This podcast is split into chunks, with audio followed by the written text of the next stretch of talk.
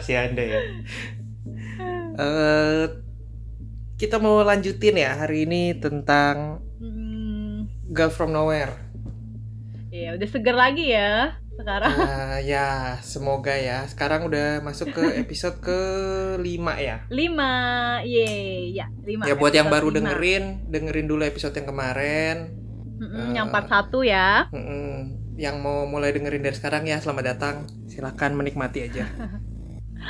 Iya, tapi juga kalau mau dengerin yang ini langsung juga nggak apa-apa sih, karena kan tiap episodenya Girl from Nowhere ini beda-beda ya. Jadi Mm-mm. tetap bisa dinikmati sih secara terpisah. Ya atur aja lah kalian maunya gimana gitu Ya, yang enak. enaknya Kalau gimana aturnya deh. kalau mau cari episode yang sesuai selera ya eh, pilih Monggo. sesuai yang kita bahas yang menurut kalian oh gue maunya yang ini ya udah nonton episode itu aja boleh mau nonton semua juga boleh bebas Iya, yang penting tetap didengar lah ya Mm-mm. podcast kita. Oke, episode 5 ini judulnya Social Love. Eh, dari judulnya langsung gua udah langsung kebayang gitu kayak Hmm. ini sepertinya akan jadi sesuatu hubungan percintaan yang dijodoh-jodohin masyarakat sekitar gitu atau Nah, yang dan karena judulnya social, gue tuh udah kebayang kayak eh, sosial media tuh nggak sih Hmm. langsung. kayak yang memang eh, apa eh, hubungannya itu semuanya tergantung dari pendapat orang-orang di sekitar gitu atau kalau sosial benar, media benar. berarti followers gitu kan. Mm-mm, mm-mm, Fanbase ya, Mm-mm. followers, Nah ini memang fans. tergambar banget di sini gitu kan. Ada seorang cowok idola gitu, anak sekolah gitu yang Mm-mm. Tiba-tiba ada satu cewek dan si Nano ini lagi kan. Iya. sebagai anak baru Han ya. Mm, cowoknya namanya Han si Nano ini sebagai anak baru di situ yang kebetulan pada saat hari itu tuh kayak semacam ada festival musik gitu kali ya Heeh, heeh. terus eh, Nano muncul terus masuk in frame lah di recording temennya gitu mungkin ada eh, apa Vlog gitu nggak sih? ya ex- atau temennya yang Dokumentasi me- ya? dokumentasi acara sekolah itu kali ya mungkin ekskul Ha, ha, ha. jurnalistik gitu Iya iya iya kayak sosok yang jurnalistik gitu Hmm, temennya. Nah, masuk in frame lah si Nano ini dan tiba-tiba temennya ngeliat kok kayaknya cocok nih. Di, mulailah dijodoh-jodohin, Jodoh-jodohin. dibikin-bikinin apa biasa. Sebutan fanpage nggak sih? Mm, fanpage, sebutan-sebutan gitu kan julukan-julukan yang gabung-gabungin nama gitu. Han sama Iya. Nano jadi Hano gitu. Anu. Dan bisa pas banget men namanya kayak langsung cocok gitu ya. Iya, bi- biasa lah kalau udah fanbase kan apa saja dilakukan. Mm-mm, terus kayak tiba-tiba tuh yang likes fanbase-nya tuh kayak banyak gitulah ya tipe-tipe kalau kita mengidolakan apa ya seseorang di sekolah atau kan biasa kalau di sekolah tuh ada ih kayaknya ini couple goals banget Mhm, deh mhm. gitu kan zaman-zaman eh, sekolah dulu kan juga kita kayak gitu tuh yang lihat kayaknya yang si A cocok deh sama si B gitu. Kenapa sih kalian nggak pacaran Hmm. aja? Kalian kelihatannya ya asal banget serasi gitu kan. Padahal kan kita nggak tahu ya. Mungkin di belakang si A sukanya sama si C, si B sukanya sama si L gitu kan. Kita nggak Uh-uh. tahu. bener-bener bener terus eh, akhirnya kayak ya dijodoh-jodohin ya oke lah mereka juga menerima ya bahwa ya udahlah pasangan ya pasangan ala-ala nggak sih bisa dibilang Iya sih terus karena ulah si fanpage ini dan si cowoknya ini juga sih ya. Kalau memang popularitas sih Mm, kalau memang udah jadi idola terus dan udah nyaman tuh yang namanya Hmm. likes tuh adalah segalanya ini bener-bener mencerminkan kehidupan sosial media banget ya. bener-bener yang kayaknya hidup kita tuh ditentukan berdasarkan oleh likes ya Mm-mm. kalau likesnya dikit tuh langsung kayak anjir kayaknya gue ini apa langsung insecure atau apa gitu Hmm. terus kalau likesnya banyak tetap apa kayak langsung berambisi lagi kayak gimana ya gue harus tetap bisa menjaga popularitas dan mempertahankan ini semua gitu Iya. bener-bener mindset ya orang mau populer lah gitu Iya. sih Bahkan si Han ini kan sebenarnya udah punya pacar ya, namanya Yui gitu. nah ternyata eh, eh, yang tidak awalnya diketahui pikir gitu sama teman-temannya semua kan. Jadi memang ini Mm-mm. backstreet lah gitu. awalnya gue pikir memang si Han tuh beneran suka sama Nano tuh nggak sih Mm-mm. awalnya awalnya ya sebelum kali ketemu atau diperkenalkan si karakter Yui ini dan si Han berkali-kali selalu alasannya adalah ini kan cuma demi likes terus eh, gi- Uh-uh. gimana nih likesnya udah terlanjur banyak jadi kita ikut aja gitu. Dia selalu pakai alasan selalu- itu terus. Uh-uh, dan dia juga selalu janjikan kayak tenang aja ntar juga orang lupa sendiri kok Hmm. kayak gitu kan sama pacarnya. Dan pacarnya ini yang ini kan nge-hate komen di fanpage itu sih? iya terus langsung dibully kan? Oh oh oh, oh. langsung dibully sama yang lain kayak apa sih lu mood breaker banget gitu terus yang kayak Tapi- yang lain-lain juga Hah? sampai kalau lu nggak suka keluar aja dari fanpage ini gitu. Iya, emang tapi annoying banget sih. Maksudnya kalau di posisi Yui saat itu tuh kayak ya kesel lah, wajar gak sih cewek Mm-mm. kesel gitu? I- iya sih Gila like, kan? apalagi cowoknya pacarnya ini nggak terkesan tidak mau mengakui gitu kan hubungan mereka lebih mementingkan mm-mm. popularitas gitu ya siapa sih yang nggak kesel gitu apalagi Iya, terus- lama si fans fansnya ini udah mulai makin Fanatik ya? menjadi-jadi gitu makin semena-mena Parah, parah, parah. bikinlah Makin- merchandise gitu kan Iya, yang sampai kayak merchandise-nya ada apa? Ma topeng ya, terus Mm-mm. eh, kipas, bantal, anjing banyak banget lah pokoknya gue kayak gitu kan iya. terus maksud gue kayak emang ada apa yang mau beli gitu? ya ini mungkin cara menggambarkan kehidupan di sosial media gitu ya jadi Iya bener sih. ya ujung-ujungnya kan fanbase nanti pasti tiba-tiba bikin stiker lah merchandise. atau Iya, bikin iya. apalah custom-custom gitu kan mm-mm.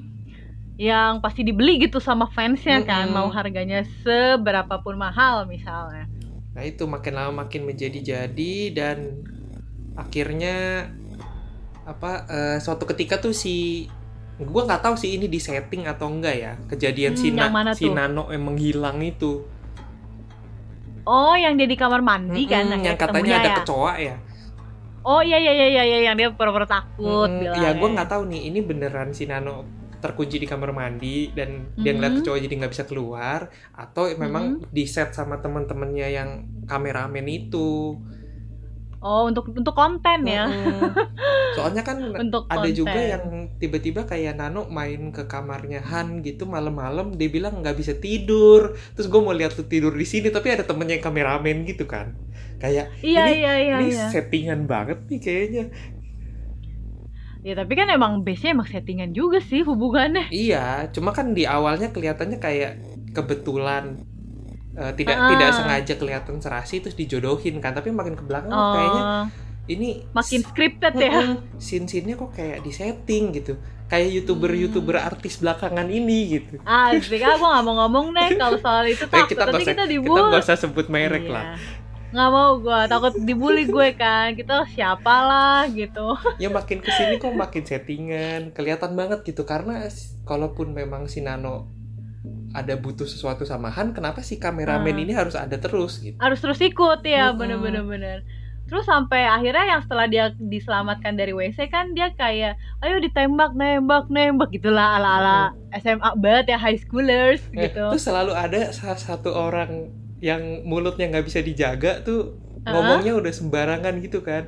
Yang lain kan cuma ngomong apa tembak tembak terus Iya, atau iya. cium cium yang cium yang cium tuh tidur bareng tidur bareng gitu kan. ada yang ngaco.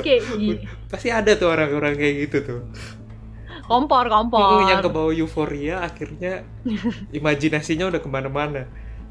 Ya dan adegan itu disaksikan juga sama Yui ya kayak ya Mm-mm. elah gue juga kalau jadi dia kesebet sih Nah, kayak dan di depan anjing. di depan Yui itu si Han seakan pura-pura gue jomblo kok. gitu. iya eh, gue juga kesel sih men kalau Iya, jadi yang- ceweknya Ya, gila kalau kali udah di depan gitu ya memang dia terdesak sih. Padahal itu ada kesempatan dia mengakhiri semuanya di situ kan. Nah, iya, bisa aja dia langsung ngaku kan Mm-mm. sebenarnya.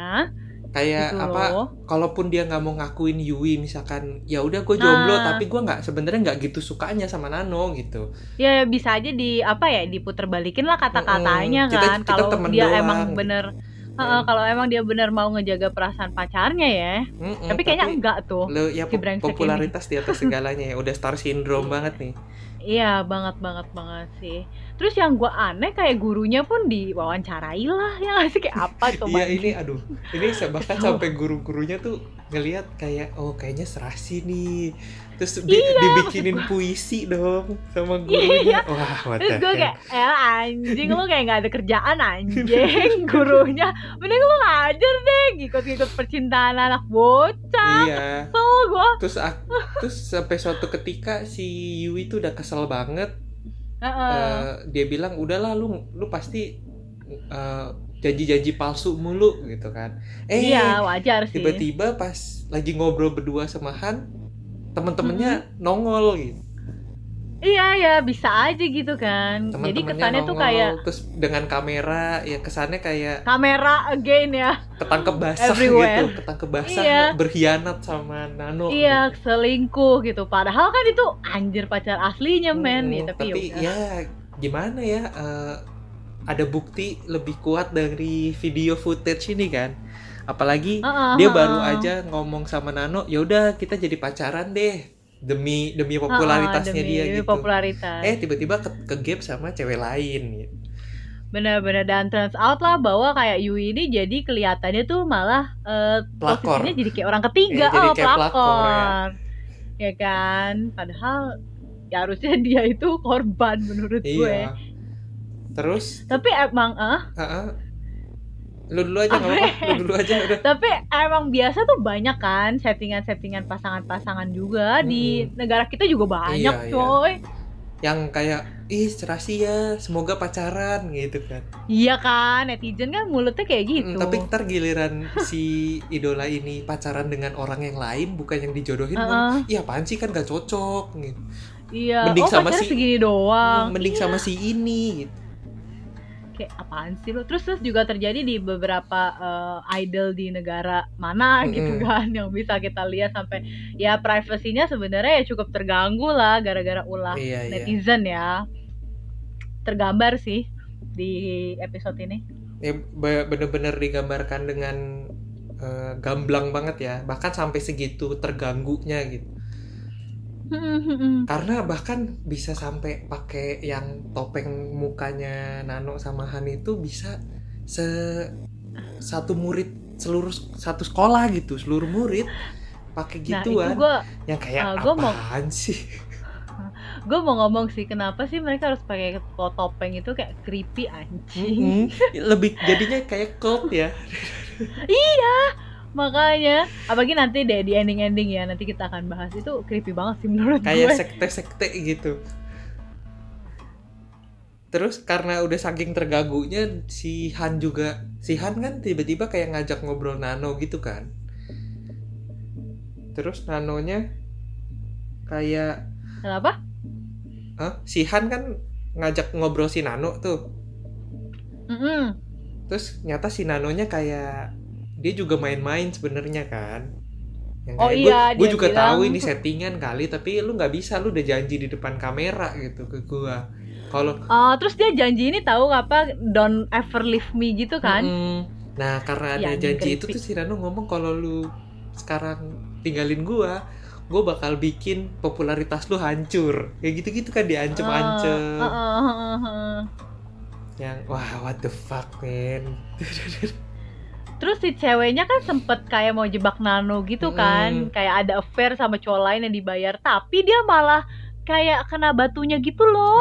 Ya, ya ini se- seperti kejadian di dunia nyata juga nggak sih? Pasti kalau orang yang Gimana, sebenarnya gimana tuh? punya hak itu meng berusaha mengkonfrontir fanbase wah pasti Uh-uh. dihabisin gitu.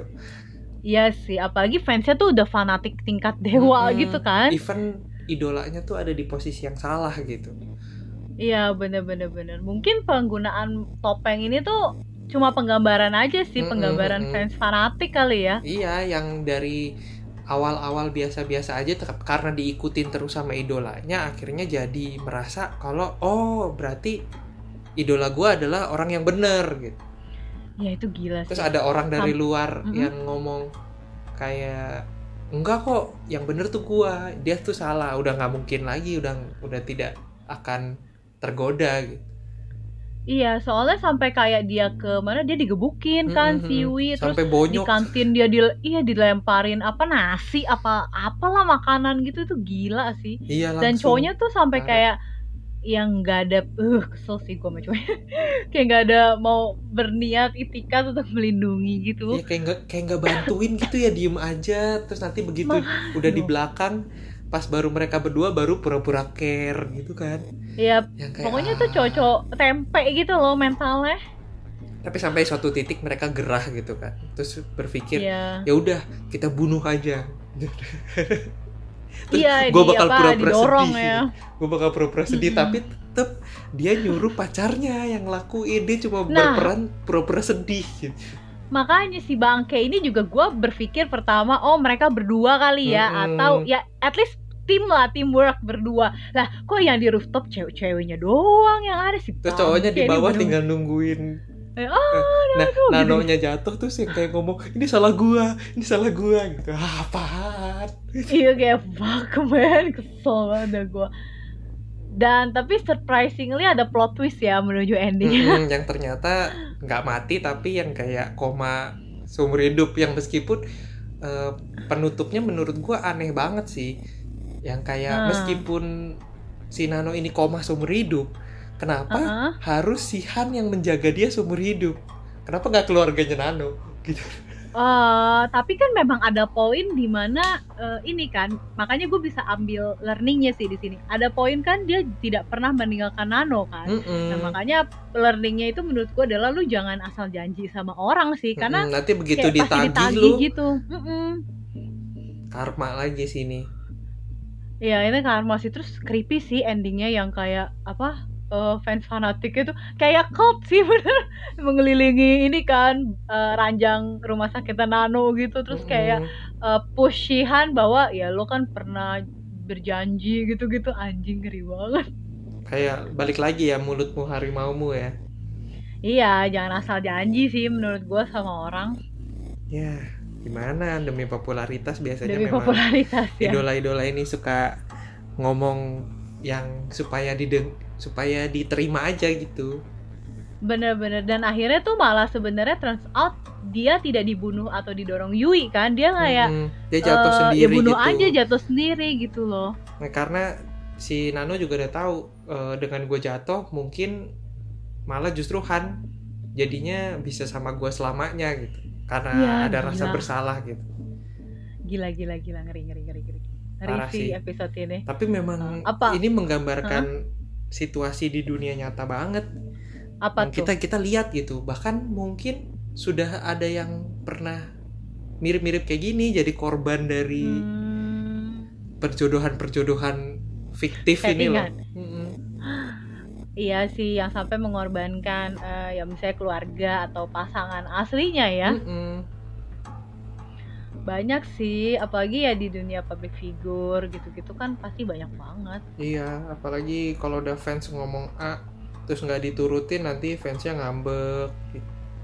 iya dilemanya ya lu kehilangan popularitas kehilangan duit lah ya berarti kan ibaratnya atau ya itulah dilemanya kayak gitu tinggal pilih aja sesuai Tinggal dengan pilih mau yang mana. jalan hidup iya makanya Ya kalau udah star syndrome ya memang susah ya. Semua Iya. ditentukan oleh kehidupannya seperti ditentukan oleh penggemar. iya bener-bener bener ngeri sih oke Ya itu episode 5 ya. Jadi episode, 5 Episode tuh lima. menggambarkan lebih ke percintaan secara settingan ya settingan yang ada di dunia maya gitu. Mungkin kalau kita Mm-mm, sekarang lebih mm-mm. banyak ngerasainnya di dunia maya, iya sih settingan-settingan kayak gitu. Dan Mm, yang berlanjutlah ke episode 6 dan episode 6 sama 7 ini jadi kesatu Satu kesatuan set ya. Untuk pertama Mm. kalinya kita menemukan satu set cerita yang digambarkan dalam dua episode. benar dan gue cukup penasaran waktu nonton wah kayaknya semenarik apa nih sampai dikemas dalam dua Dua episode, episode. kan benar episode 6 sama 7 ini judulnya Wonderwall ya Mm-mm. Dan kembali lagi si Nano muncul di sekolah baru. Mm-mm. Sekolah baru yang maha, Sebagai- maha besar ya, bahkan sekolahnya ada eskalator gitu. iya gede banget kayak binus kali ya Ya udah udah kayak kampus. Iya kalah kampus gua juga. Terus Jadi si di Nano sini, ini ah, datang sebagai klub manajer sepak bola, ekskul sepak bola lah ya. Iya, ekskul sepak bola gitu kan yang memang biasanya kan ada manajernya cewek gitu kan. Mm-mm. manajernya- Dan udah ada manajer kan, Mm-mm, manajernya udah ada satu, terus si Nano datang namanya si untuk Bam membantu ya. gitu. Mm-mm. Bener-bener bener. Tapi manajer yang lama ini si Bam ini kayak naksir sama salah satu eh member ekskul lah ya, bisa temennya lah ya, yang namanya O ya. Ya, Aneh namanya banget O, sih panggilan. O, O Oh. aja gitu. Namanya O aja. Terus bias banget sih emang Iya, iya. kayak langsung memang yang dia kelihatan seakan-akan lebih kayak aspri ya asprinya O ya dibandingkan makanya. dari asisten pribadinya O dibandingkan manajer klub gitu karena dia cuma ngurusin O doang yang lain tuh Iya. nggak diurusin teman-temannya kayak dibodohin amat gitu loh. Udah Hmm. lo ambil minum sendiri aja gitu. suruh ngurusin diri sendiri ngambil handuk sendiri Mhm. Dan ya singkat cerita karena kehadiran Nano dia jealous lah ya karena kayaknya si O tuh lebih perhatian sama si Mm-mm. Nano kan. semuanya sih lebih tepatnya semua teman-temannya kan Iya sih, tapi semuanya karena dia sih. suka sama O dia merasa Jadi si O nggak pernah nih respon gue kayak gini mhm. dan singkat cerita tuh tempat tongkrongan dia tuh kalau lagi kesel di WC. Aneh Iya. bener. ya tapi memang WC WC sepi memang gitu. kalau di kayak sekolah gitu pas dulu Heeh. kita juga kalau mau nongkrong gitu maksudnya kabur dari pelajaran memang bisanya cuma ke WC paling kan Ya iya sih, bener juga. nggak mungkin ke kantin atau Iya. ke mana. jadi kalau yang kayak bete di kelas itu kan keluar biasanya rata-rata ngumpetnya di WC gitu ya berharap aja WC Iya, sekolah iya. Kita bersih gitu Bersih dan ya cozy ya. Hmm, Apa lagi cozy. kalau cozy apalagi gitu wah makin rame tuh yang ngantri Iya, terus akhirnya karena suka nongki di WC tuh dia kayak apa ya? ya Ya memang kan di WC banget kan. di WC WC gitu kan memang suka ada tuh tulisan-tulisan gitu kan Iya iya iya ya, kayak WC Coretan-coretan. umum ya. Even di WC sekolah juga, bahkan WC kampus dulu gue juga kayak Oh ya? kayak ada tuh satu dua gitu tulisan-tulisan. Coretan iseng ya. Mm-mm. Eh, yang kayak biasanya tuh ini love ini gitu Mm-mm. aja. Atau atau lo apa eh, butuh hiburan hubungi nomor ke sini tapi kita nggak tahu itu nomor siapa gitu. iya, asal aja kan. Dan apa ya? Ya dia karena suka dia pikir nyoret-nyoret gitu kan karena iseng doang kan. Mm-mm. Dia memang tendensinya si Bam ini juga kalau di dia tuh suka nulis ya karena digambarkan kalau udah pulang ke asrama atau kosannya tuh dia eh, bikin bu bikin kayak Novel. blog gitu kan, Mm-mm. blog. Terus dia nulis diary. Jadi emang Iya, iya, tergambar ya, suka Dia bawa mencurahkan perasaannya. Hmm, tergambar dia bawa pulpen ke mana-mana gitu lah ya. Iya, bos spidol Bawa pulpen gitu gila. Akhirnya dia coret-coret lah ya tentang Nano Mm-mm, gitu kan. ngata-ngatain Iya. Nano bilang muka mukanya bau gitu. Ya, mukanya bau tai gitu lah ya Iya. ibaratnya. You are stink face bitch gitu kan. boy. yang ternyata jadi kenyataan gitu kan. Jadi kenyataan, gue sempat bingung sih awalnya tuh kayak, ah ini apa sih maksudnya? Terus gue baru inget, oh iya dia kan nulis di ini di tembok lah. Kenyataan dong. Iya ternyata kejadian tapi kan dia belum sadar ya kenapa Mm-mm. awalnya sampai kejadian lah ada temennya satu lagi yang biasanya di member ekskul sepak bola ini juga ya Iya iya. terus eh, bikin dia kesel terus dia ngatain lah Mm. si temennya itu bilang eh, dia nih kayak anjing gitu Anjing. eh nyata bener-bener berubah jadi anjing gitu temennya kan Iya kayak gonggong-gonggong gitu kan sampai dimasukin ke rumah sakit. Mm-mm. Ya, gue agak shock juga sih itu. yang kayak wah ini magical banget nih dinding WC ini ya, Ya, yang tapi kan awalnya dia nggak tahu kan dia berpikirnya si Bam ini berpikir eh, apa pun yang dia tulis tuh jadi kenyataan Ya akhirnya dia nulis nulis sesuatu, yang kan. tentang diri dia tapi ngomongin apa si O itu suka sama Oh. dia gitu Mm-mm. tapi ternyata nggak terjadi nggak terjadi apa-apa gitu Nah gue sempat bingung sih, maksudnya si Wonderwall ini berarti cuman ngabulin eh, dendam ya? Mm-mm. Jadi kan Oh, kan karena di oke. awal tuh sempet dikasih dikasih kayak narasi gitu juga kan. Heeh, heeh, kayak heeh. apa? eh, kekuatan yang paling besar itu dari seorang manusia itu adalah kebencian gitu. Mhm, Jadi kalau kayak kalau gitu. kita udah benci Oh. sama jadi kayak nggambarin gitu kalau kita udah benci sama orang tuh kita bisa ngelakuin Mhm. apa aja gitu dan kita berharap hal itu tuh terjadi gitu. Biasanya kan apalagi ini ngomongin sosial media lagi ya kayaknya. Kita Hmm. Iya biasanya su- sih. suka sama nggak suka sama seseorang di sosial media tuh bisa Oh ngomong kayak curhat ya. "Mm-mm, ya semoga lu kecelakaan atau semoga lu eh, hidup lu miskin gitu dan pada saat Ah, detik itu kan iya, kita iya. berharap hal itu beneran terjadi gitu meskipun menit berikutnya udah kayak ya udah lupa udah lega lah gitu kan Iya, tapi kayak cuma pengen dituangkan aja sih Mm-mm. sebenarnya. nah itu jadinya si Oke. si Wonderwall ini gua nangkapnya digambarkan seperti itu jadi Oke, oke. pada saat nulis itu kan si Bam ini pasti berharap ini nih bener-bener kejadian nih tapi begitu keluar dari WC udah lega dia juga udah nggak nggak terlalu mikirin lagi kan eh Iya, ternyata, ternyata kejadian, kejadian. beneran apalagi tuh yang ngerinya tuh ini kan yang dia kesel sama si cleaning service ya rumah eh, rumah sakit lagi. cleaning service Sa- saking miripnya rumah sakit ya itu sekolah ya iya kenapa jadi rumah sakit ya kayak ini sih rumah sakitnya hospital playlist gede banget Oh, soalnya. apa eh, di sekolah itu kan cleaning service di sekolah itu karena lu nyoret nyoret Hmm, Ya, wajar memang sih. sih tugas cleaning Ya, service memang kan bersihin itu ya kamar mandi gitu kan semua dibersihin makanya. eh dia saking keselnya si Bam terus dia nulis sembarangan lah gitu kan Iya, tapi berarti di sini adalah kalau kita hapus si wishes kita itu nggak terjadi lagi kan Mm-mm. gitu loh, hilang gitu kayak kutukannya. Iya, jadi eh, itu tuh hanya apa berfungsi kalau tu- tulisan kata-kata itu tuh masih ada di dinding itu kan maksudnya. Heeh, heeh, heeh, heeh. Terus nulis lah kayak mati atau apa ya. Mm-mm, semoga mati apa sesak nafas gitu kan suffocate gitu. Eh, ternyata mati beneran besoknya anjir. Beneran gantung diri gitu. Pas Mm-mm. masuk Eh, sekolah. tapi Tapi sebelumnya kan dia juga sempat kasih tahu ke temennya yang dibully gitu kan. Mm-mm.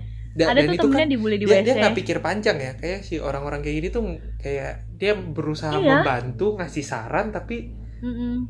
ya jadi malah petaka gitu Iya makanya sampai kayak eh, akhirnya temennya bilang kan itu lo yang nulis kan katanya terus kayak anjing gua ketahuan dia langsung Hmm, jadi hmm, kayak hmm. insecure sendiri dan akhirnya dia ngapus itu terus tiba-tiba cleaning service-nya hidup lagi aja Iya, jadi begitu dihapus, cleaning service-nya hidup lagi dan semua yang dia pernah tulis tuh kan hilang juga kan, Heeh, hilang semua lah bersih akhirnya. gitu. Jadi semua yang pernah terjadi sama Nano, sama temennya yang anak sepak bola itu juga hilang. hilang. Eh, terus eh, singkat cerita ya memang dia jealous banget sih sama si Nano ya Mm-mm. Jadi memang ya karena si Nano ini kan menurut gua dapat dapat perhatian terus menerus ya, Mm-mm. dan kayaknya kelihatan banget kalau apalagi si O gitu, si O tuh kayaknya jarang ngechat si Bam gitu kan, tapi begitu giliran ngechat tuh pasti minta tolong. ada embel-embel kayak ada hubungannya sama Nano. Mm-mm, kayak, Bam, kesel. lu boleh bantuin gue gini-gini ya gitu kan gue butuh bantuan Mm-mm. sesuatu tolong bimbing Nano dengan baik dong gitu. kesel sih memang ya kesel lah gebetan kan apalagi ceritanya. teenager kan aduh di- iya lagi darah muda ya Mm, darahnya para remaja sensitif kan terus sampai akhirnya tuh eh, temen-temennya juga eh oh iya pertama kan lagi se- scene di kelas gitu kan tiba-tiba ada temennya yang jatuh dari jendela itu loh iya yang itu tuh ternyata kita, kita nggak tahu ya pada saat itu kan kita pikir oh udah selesai nih si dinding-dindingan ini udah selesai lah. Tiba-tiba Ah, ada temennya yang lagi di tengah pelajaran jalan jalan duduk di iya jendela itu terus anjir. lompat gitu kan. Iya itu gila sih. Terus ternyata eh, pas Bem ngecek ke kamar mandi itu tuh udah Hmm. populer. Iya kayak banyak yang ngantri untuk mau nulis Mm-mm. di situ kan Even- dan banyak temen-temennya. even yang kayak wakil kepala sekolah atau apa gitu kan? Iya itu gila sih. Atau guru gitu yang dia nggak suka sama guru yang lain itu dia dia langsung nulis kayak mati gitu. Darahnya tersumbat. Mm-mm, mm-mm. terus ada juga yang kayak mau dikirim ke semacam kompetisi gitu ya. Cuma karena dia second place Mm-mm. first place-nya dikutuk sama dia gitu. Cedera atau apa gitu Iya iya dan surprisingly adalah temennya eh, circle-nya di klub sepak bola si O ini ternyata juga nulis sesuatu yang Hmm. buruk ya untuk si O ya. Hmm, kayaknya Gile. iri gitu kan si O mungkin Ya, lebih lah, lebih populer, spotlight. lebih jago Bener. gitu, lebih banyak nyetak Bener, bener. gol gitu kan. Benar benar benar benar. Terus dari situ dia juga merasa wah kayaknya salah nih gue. Mm-mm. Karena ternyata kelihatan banget ya di apa di episode ini. Episode 6 dan 7 ini Mhm. tuh kalau biasanya kan kita digambarkan selalu orang yang punya power tuh selalu nginjek-nginjek yang lemah gitu kan, yang nggak punya Benar power. benar benar. Tapi ternyata kalau orang yang lemah tuh dikasih kekuatan pun Dikasih mereka- kesempatan gitu mm-mm, ya. mereka dikasih kesempatan untuk punya kekuatan, punya power pun mereka semena-mena gitu ternyata. Iya, dan bahkan justru lebih parah menurut Mm-mm, gua karena daripada kan- orang yang punya power. Karena kan ada kebencian, ada rasa marah Bener, gitu, bener. kan. Mungkin kalau orang yang punya power lebih kayak nginjek-nginjek temen yang lebih lemah tuh lebih kayak iseng gitu. Ya Heeh. kan lebih kayak mungkin Mm-mm. ya ininya apa eh, landasannya tuh lebih kayak main-main. Cuma kalau udah ada rasa sakit hati kan si lemah ini punya power jadinya parah gitu. Ternyata seperti Mhm. itu. Yang kita pikir selama ini kalau orang lemah punya power karena dia udah pengalaman disakitin, dia pasti menggunakan Hmm. powernya dengan bijak. Kita mikirnya gitu kan. Hmm, tapi ternyata tidak sama sekali Tapi gitu. ternyata digambarkan enggak juga gitu. Iya, bahwa orang biasa atau orang baik lah ya kan ini kan yang dibully kan Mm-mm. sebenarnya orang-orang baik. Orang Kalau udah baik. dendam tuh bisa lebih pak lebih powerful dan lebih parah gitu Mm-mm, loh. mm-mm. Tapi ya mungkin memang kebanyakan berhenti di situ ya. Jadi begitu dia sudah selesai menyakiti atau Heeh. membungkam yang dulu pelaku pembuli dia tuh udah mereka nggak ngapa-ngapain lagi kan. Iya kayak udah puas aja. Yang Mm-mm. penting kayak dendamnya tuh tersalurkan sih kalau kata gua. Jadi bu- bukan yang dia menggunakan kekuatannya justru untuk menyakiti orang lain gitu. Tapi Mm-mm, memang fokusnya kepada dulu yang gangguin gua adalah orang yang satu-satunya orang yang bakal gua kasih karma gitu loh anggapannya. Iya iya benar benar benar benar. Dan akhirnya ya karena si O itu kan apa kayak kakinya nggak Cacat bisa ya, cacat jadi cacat lah ya bisa dibilang eh, itu si Bam juga ngerasa kayak berdosa banget kan Mm-mm. sampai dia bilang oke kayaknya gue harus hapus terus ya di Dipancing-pancing Tapi pas sama Nano ya. Heeh, tapi pas mau hapus tuh ada tulisan ini kan apa siapa pun yang ngapus ini lo mati kan Mm-mm. anjir banget Terus ya. si si Nano kayak biasa kan? Kayak datang kalau di kita tuh di kehidupan asli tuh semacam kayak orang yang datang minta pertanggungjawaban gitu loh. iya. Kayak temen yang datang tapi ngasih tahu ugly truth gitu.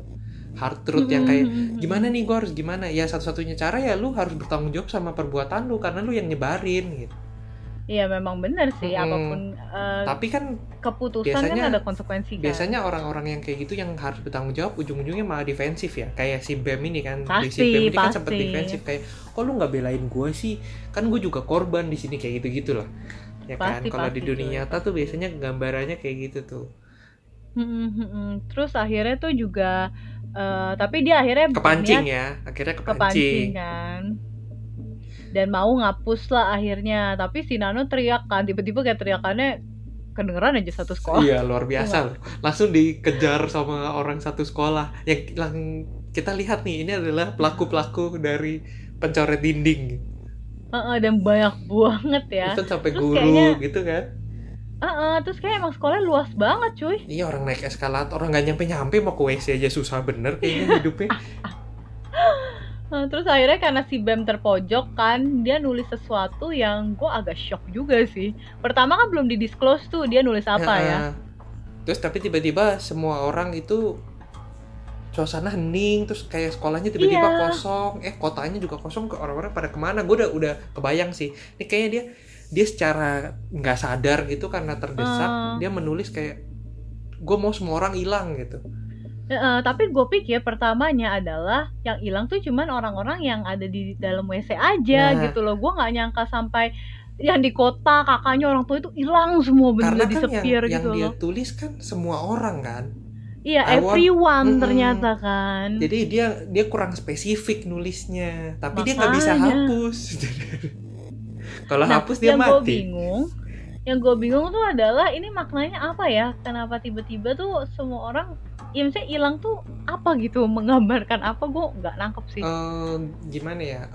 gue sih nangkepnya adalah kayak kita nih udah ber- berbuat kesalahan, Mm-mm. ya kan? Eh, terus kayak diminta pertanggungjawaban gitu. Tapi pada saat kita harus Mm. bertanggung jawab, Mm-mm. kita tuh justru kayak kabur gitu loh, lari dan memutus hubungan sama semua orang yang kita kenal. Gue sih nangkepnya gitu.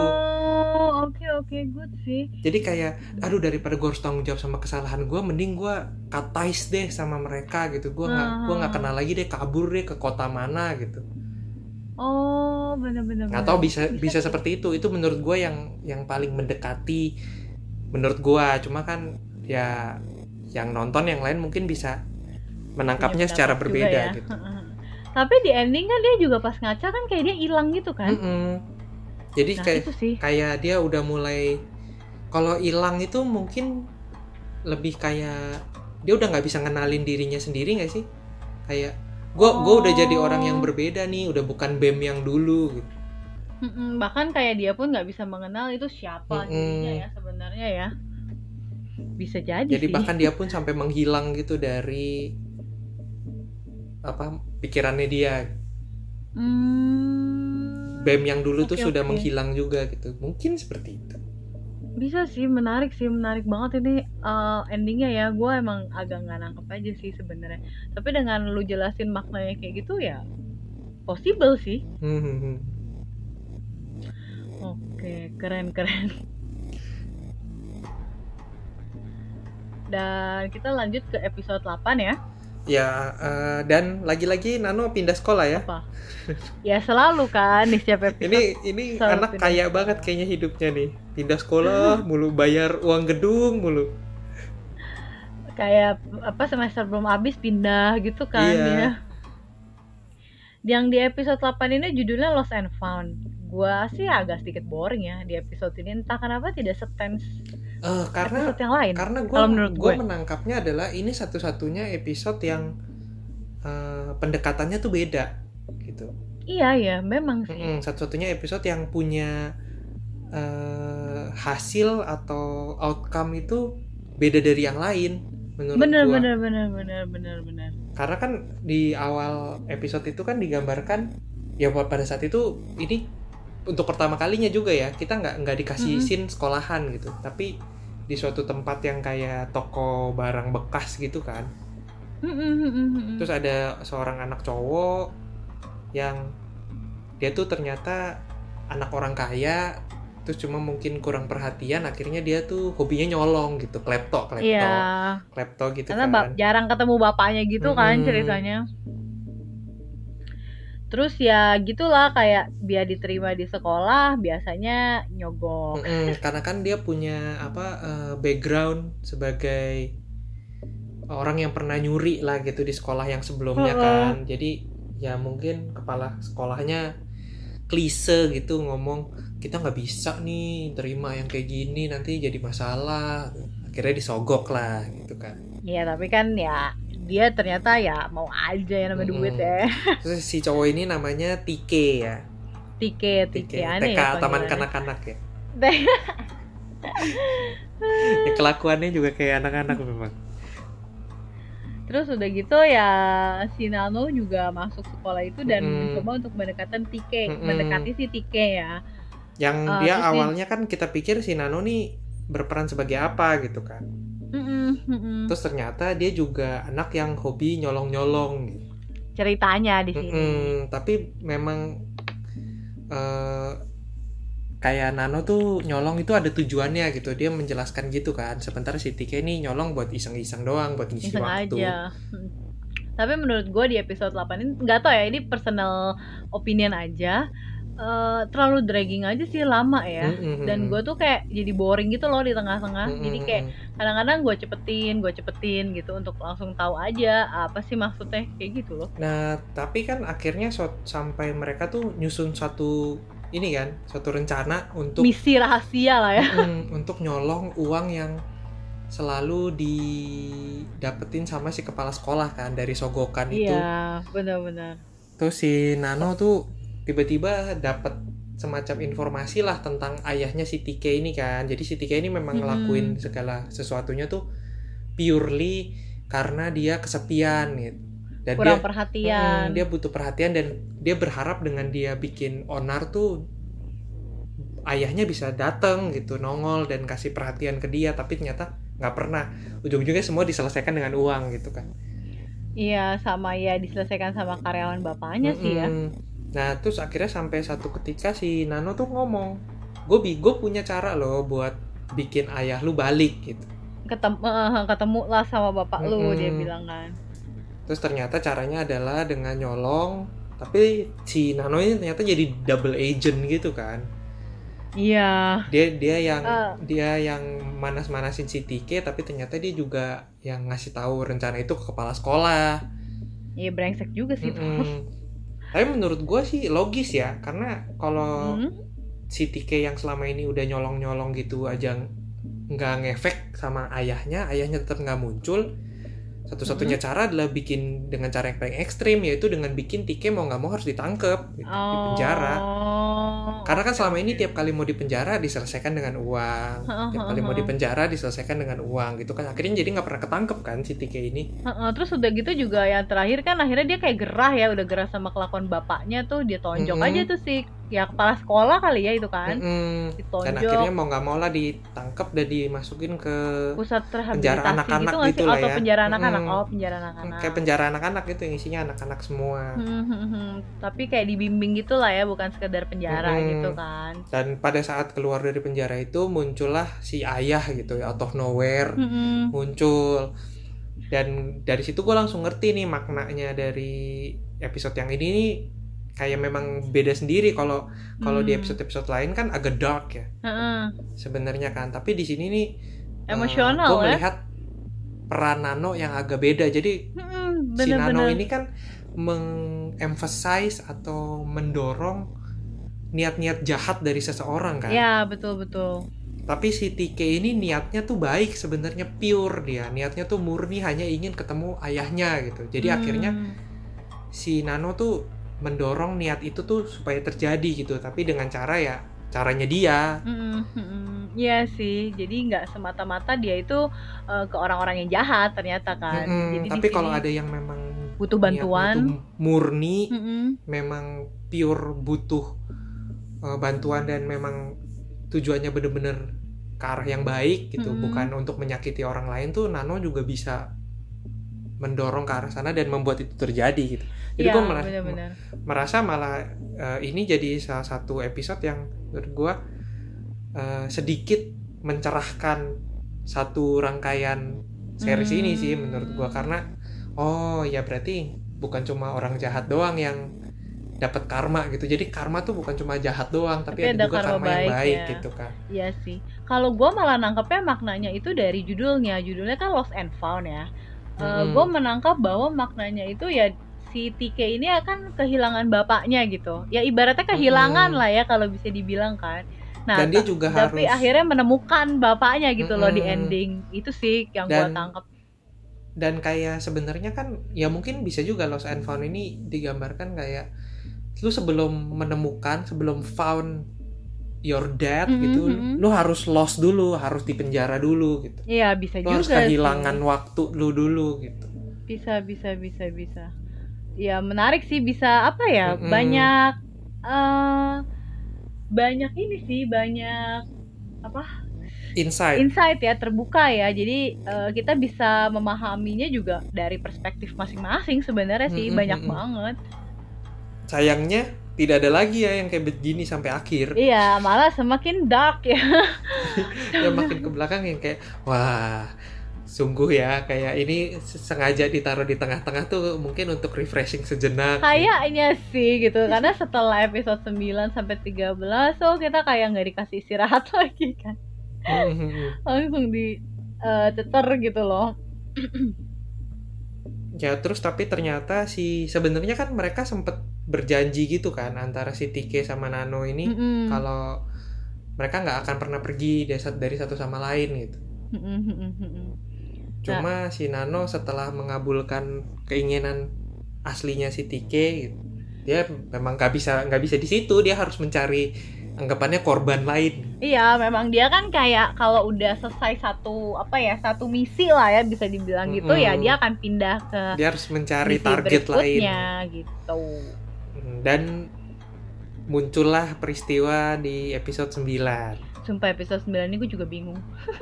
bingung terus. episode 9 itu dia lagi-lagi pindah sekolah ya, Ya, sudah inilah sih. sudah bukan hal yang aneh lagi ini Heeh, ini udah pasti pergantian eh, episode dia udah pasti lah ya cerita pindah sekolah gitu. Mm-mm.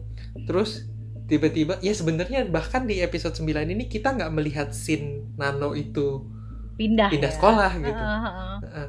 Tapi tiba-tiba pada saat eh, scene awal mulai tuh kayak ada lagi murid-murid yang lagi di strap gitu kali ya. Ya mungkin kayak iya lagi ya. di kasih hukuman kelas tambahan Iya gitu. kayak remedial kelas remet atau Mm-mm. kelas tambahan gitu kan.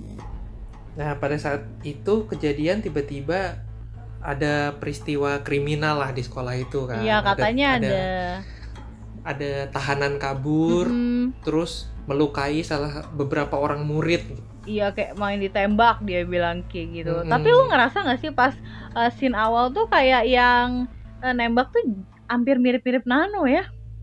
iya apa nano enggak bukan sih kayaknya kayaknya bukan sih Nah ini Tapi tuh yang jadi di- masih di awal tuh questioning ne- sih. nembak apa nusuk sih Nusuk ya?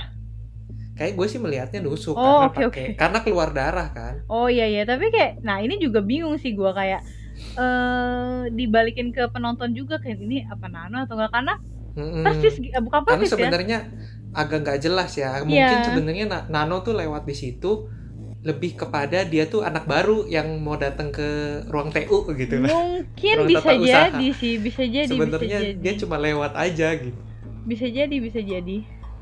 karena kan habis itu kayak sekolahnya tuh di lockdown gitu kan Iya, kayak nggak bisa ke mana-mana. Nah tiba-tiba di Mm-mm. tengah-tengah eh, kelas tambahan, lagi lagi iya lagi udah mulai nutup nutupin kelas gitu mm-mm, Nano muncul lah eh tolong dong tolong gua gitu kayak semuanya juga banyak eh, murid-murid lain yang masuk ke kelas itu kan, yang pas lagi Mm-mm. tambahan terus kayak kenapa, kenapa dijelasin lah bahwa ada tahanan, terus udah ada beberapa orang yang cedera, terus kita nggak bisa ke mana-mana, bla bla bla bla gitu. Jadi Mhm. ter ter trap lah ya di situ. Iya, terus eh, s- awalnya ada satu anak nih yang rebel gitu kan. Iya, si Koh ya namanya ya. Ya si Ko, Mm-mm. si Ko ini sok jagoan terus kayak ngomong ah gua nggak percaya lah sama kejadian ini tiba-tiba ada kayak pengumuman dari kepala sekolah kalau kejadiannya bener ciut dia gitu. Iya, ini episode yang menurut gua tuh dikemasnya simple tapi agak creepy ya. Mm, mm, mm, mm. Dan akhirnya mereka menunggu sampai malam gitu kan. Iya, sampai kayak lapar, malam lama. Mm-mm. Nah, tapi yang ada Dan bingung ini nggak ada kejelasan, iya nggak ada kejelasan ini. yang bingung ini menurut gua adalah itu kan digambarin malam, tapi kayak ada sinar yang masuk gitu loh padahal eh, Itu di- lampu bukan sih? tapi kan digambarinnya bahwa kayak yang di outside itu kan gelap banget. Lampu lorong gitu loh. Iya sih, gue juga sempat mikir itu lampu lorong sih.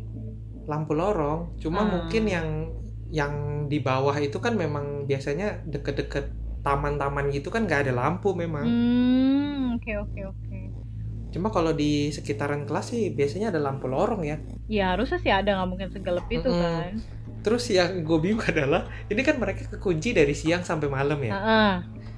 tapi tidak ada satupun yang bingung siapa Nano ini Iya. sampai malam sampai mereka malam. baru sadar sampai malam gitu padahal si Nano ini kan udah berkali-kali ngasih pendapat Mm-mm. bahkan kayak kita harus cari senjata nih gitu kayak terkesan eh ya janggal gitu lah ya barbar ya. Mm-mm. Tapi nggak ada yang curiga kayak gue nggak pernah lihat lu nih di sekolah ini gitu sampai malam mereka baru sadar gitu. Kayak lu siapa gitu kan pada akhirnya. Mm-mm. Terus eh, mulailah ada peristiwa-peristiwa yang kayak kayaknya kita mesti cek keluar deh. Hmm, karena juga Kita nggak bisa diem di sini selamanya. selamanya Iya, gitu. iya. Karena menurut gue kayak kok nggak ada nyariin mereka sih atau at least tuh kasih Mm-mm. pemberitahuan gitu lah kayak eh, sekolah udah aman bagi kalian yang masih ada di sekolah ya monggo lah pulang atau apa tapi kayak nggak Mm-mm. ada gitu Dan- loh Dan paling aneh adalah kenapa di daerah sekolahnya itu Mm-mm. Padahal sekolahnya cukup besar ya menurut Mm-mm. gua. Kenapa sinyal handphone itu susah? Nah iya ya maksud gue padahal kan bukan di sekolah kampung Bukan di juga desa kan. gitu, iya, iya. makanya sekolah yang bener-bener ya di kota kayak biasa. Mm-mm. Nah, itu si sinyal handphone bisa tiba-tiba susah, bahkan susahnya tuh sampai malam gitu. Mm, mm, mm, mm. Pada kesusahan, tapi bisa video call. Iya, aneh sih. Tapi telepon nggak bisa ya.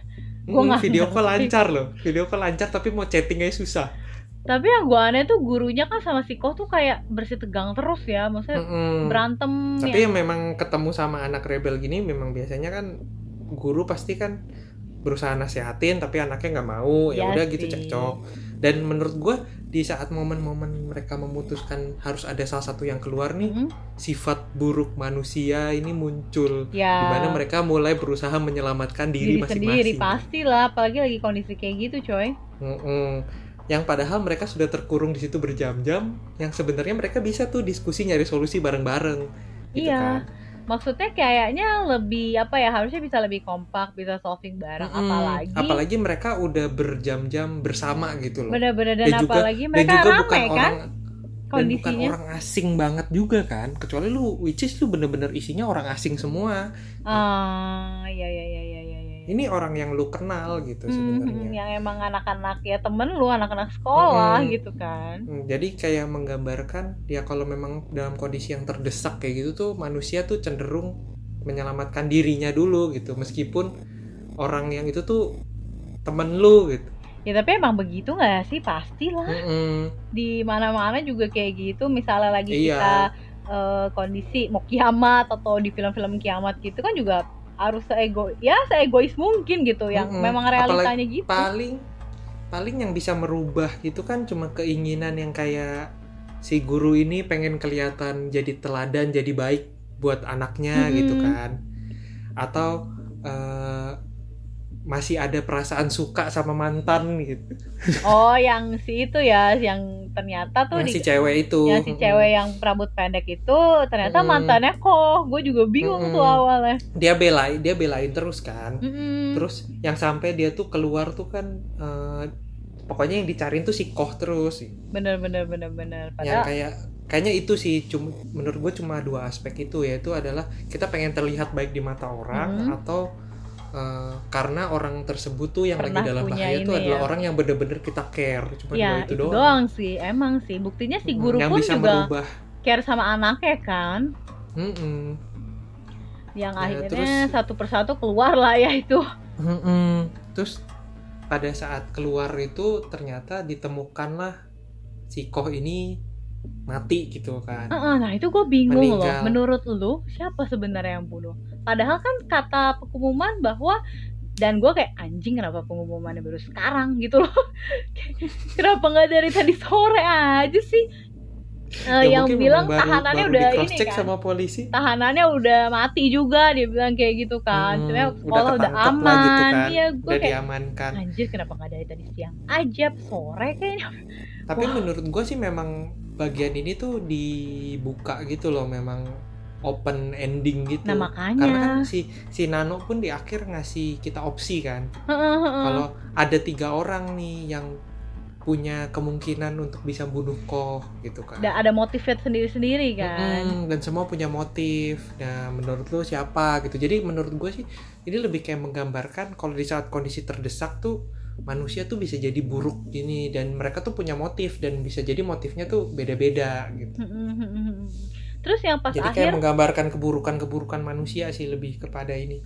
Yang gue bingung itu adalah pas akhir itu kan dia kayak nyuruh anaknya si guru itu ngambil handphone tapi anaknya nggak Mm-mm. mau kan terus dia bilang oh lu sama ya kayak bapak lu gitu Nah, itu itu yang akhirnya terakhir gue bilang kan kayak Hmm. satu-satunya cara mereka nggak nyelamatin diri sendiri adalah nyelamatin orang yang dia care si anak ini kan kayak Care sama sama bapaknya, bapaknya begitu gitu. juga sebaliknya gitu kan Padahal sebenarnya kalau si Nano nggak nyebut ini bisa menentukan nasib bapak lu gitu. oh dia mau Kayaknya aja ngambil iya iya Mm-mm. iya Cuma karena dia tahu dia akan memba- bisa membahayakan nasib bapaknya, barulah dia nggak jadi nggak. Terus dia punya alasan lah gitu. Jadi memang kayak Nano tuh pengen kasih gambaran manusia tuh meskipun untuk mencari tahu keadilan kalau keadilan itu bisa membahayakan orang, orang yang dia tersayang ya care ya Mm-mm. itu tuh bisa bias gitu. Iya sih benar benar benar benar. Even dari anak kecil kayak gitu pun udah ngerti kan. Mhm. awalnya tuh pas eh, masih di apa di ruangan itu gue juga bingung apa si Nano ya nanti akan bunuh-bunuhan sama si anak-anak ceweknya gitu. Karena kita dikasih juga tuh kayak ngelihat bahwa dia tuh kayak apa ya kok terkesan mengeluarkan yang cowok-cowok gitu kan. Tapi gue udah dari awal sih udah menangkap Kenapa? sih. Maksudnya si Nano ini kayaknya bukan penjahatnya. Kenapa? Karena dia berdiam di satu Mhm. ruangan, tapi dia nggak ngapa-ngapain sampai malam. Buat apa? gitu. Hmm, ya ya ya, tapi memang ya kan digambarkan waktu dia mau nunjukin foto pun juga Memang- kayak gitu kan. Mm-mm, memang memang lebih kepada ngadu domba Ya aja sih memang kayaknya sih dia. untuk kayak ini sih Memecah, pemecah belah. belah sama ingin tahu nih siapa yang beneran baik atau ya gitulah kayak tadi yang lu bilang atau keluar nih sifat asli si orang-orang ini nih gitu. Mhm. Ah, akhirnya kayaknya kita nggak keburu lagi nih ya. Iya nih nih. Tapi tapi oh ya pertanyaan Ya, terakhir. masih masih ada Oh ya, tapi story pertanyaan ya. terakhir Masih boleh ya story pertanyaan tersisa. terakhir tentang episode ini. Eh kalau menurut Hmm. lu siapa yang bunuh? Eh, gua sih melihatnya kayaknya Mhm. ya si pacarnya yang cewek rambut pendek itu. Oh, Kenapa kenapa? Karena terlepas pertama dia cemburu eh, ya. Pertama eh, kan ada dua, ada tiga nih. Satu cewek yang didorong sama Oh, yang teman kan sekelasnya untuk lah ya. dia untuk ngecek kondisi di Mhm. luar gitu. Menurut tapi menurut gua itu bukan sesuatu yang cukup Ah. kuat untuk bisa membunuh, ngebunuh seseorang karena toh dia juga nggak kenapa-napa Mhm, gitu mhm, mhm. si cewek ini. Terus kedua si apa eh, ayah ini kan memang dia niatnya adalah menjadi teladan Mm-mm. Menjadi teladan untuk anaknya. Jadi kalau keluar dia itu malah justru ngebunuh murid yang rebel sama dia sih, menurut gua si guru ini pasti udah bisa ngelakuin dari kemarin-kemarin. Anak ini kan memang rebel terus. Hmm, benar juga sih. Dia nggak mungkin bertahan sampai Iya, akhir gitu loh maksudnya. Nggak mungkin tahan-tahan sampai segitunya. Mhm. Jadi menurut gua set- yang paling mungkin adalah akibat kecemburuan. Hmm, Cemburuan itu bisa berbahaya soalnya kan. oke. Kalau udah cemburu sama seseorang apalagi ngelihat pacar kita Masih nih care ya. lebih care sama mantannya daripada sama kita gitu. Apalagi mantannya brengsek Iya, gitu iya. kan. Kayak nggak move on ya. Mm-mm, udah mantannya kayak gitu lu belain Oh, lagi. Oke. Menarik, menarik. Gue sih merasa gitu. Kalau lu Kalau gue tuh tadinya tuh si gurunya karena ya itu eh karena si anaknya tuh kayak ngebelain dengan gak mau ngambil si apa eh, bukti bahwa mereka kan sempat argue ya di ruangan kan sebelum keluar Mhm. gitu. Dan gurunya kan kayak benci banget gitu yang udah di apa ya digosok-gosok terus kan kayak diprovokasi terus pas di ruangan juga dihina-hina yang kayak gitu sih. Kalau gua tuh memang ngelihatnya lebih ke gurunya tadinya kayak gitu Hmm, ya nggak apa-apa juga sih Iya, sama iya. gurunya juga. Ya pokoknya ini kan ada tiga Hmm. opsi pelaku yang memang nggak dijelaskan Iya, juga pada akhirnya kita siapa ya gitu kan. bermain Ya. dengan imajinasi. Cari yang yang sesuai dengan nalar Nah, masing-masing kalau gua sih yang paling tidak mungkin ya sama sih kayak lu yang cewek itu, kayak teman sekelasnya ya. Kayaknya selain dia kurang motivasi juga kayaknya dia bukan tipe yang maksudnya dia emang bilang kan kalau lu keluar tuh bakal gua bunuh gitu, tapi eh, bukan terkesan ya emang pengen melakukan itu gitu, cuman kayak umpatan kesel aja nggak Hmm. sih kayak gitu. Hmm, hmm, hmm. Itu sih kalau pendapat gua. Menurut gue sih gitu juga. Jadi memang persepsi dari setiap orang yang melihat episode ini tuh bisa Ya beda-beda ya. cuma memang mencekam banget ya dibuatnya. Hmm. Memang ditunjukkan kalau segitu terdesaknya posisi seorang manusia tuh bisa Hmm. sampai kelewat batas gitu. Mereka bisa sampai melakukan apa aja Iya, gitu jadi- kan. demi menyelamatkan dirinya sendiri atau demi menghukum orang yang dia Jadi suka. maknanya tuh kayaknya lebih ke situ ya berarti untuk episode 9 ini menarik Mm-mm. sih, setuju gue. Ya, Oke. oke. Kita masih ada tiga Iya, story 10, lagi 11, sebenarnya. 12. Episode 9, episode 10, Eh, episode eh, 10, eh, episode 11. 10, 12 11, dan 13. 12 dan 13 itu Benar. jadi satu. Oke, jadi tampaknya memang harus ada part Iya, ketiga. nggak apa-apa ya. Eh, nggak apa-apa ya daripada kita meledak ya ngobrolin ini jadi daripada podcastnya jadi dua iya. jam. Jadi kita lanjutin lagi di part ketiga. Podcast yang ini cukup sampai sini dulu. Semoga teman-teman menikmati. Dan silahkan ditonton kalau penasaran. Udah sih paling itu aja. Mhm. Eh, bye bye lah udah ya. Dadah.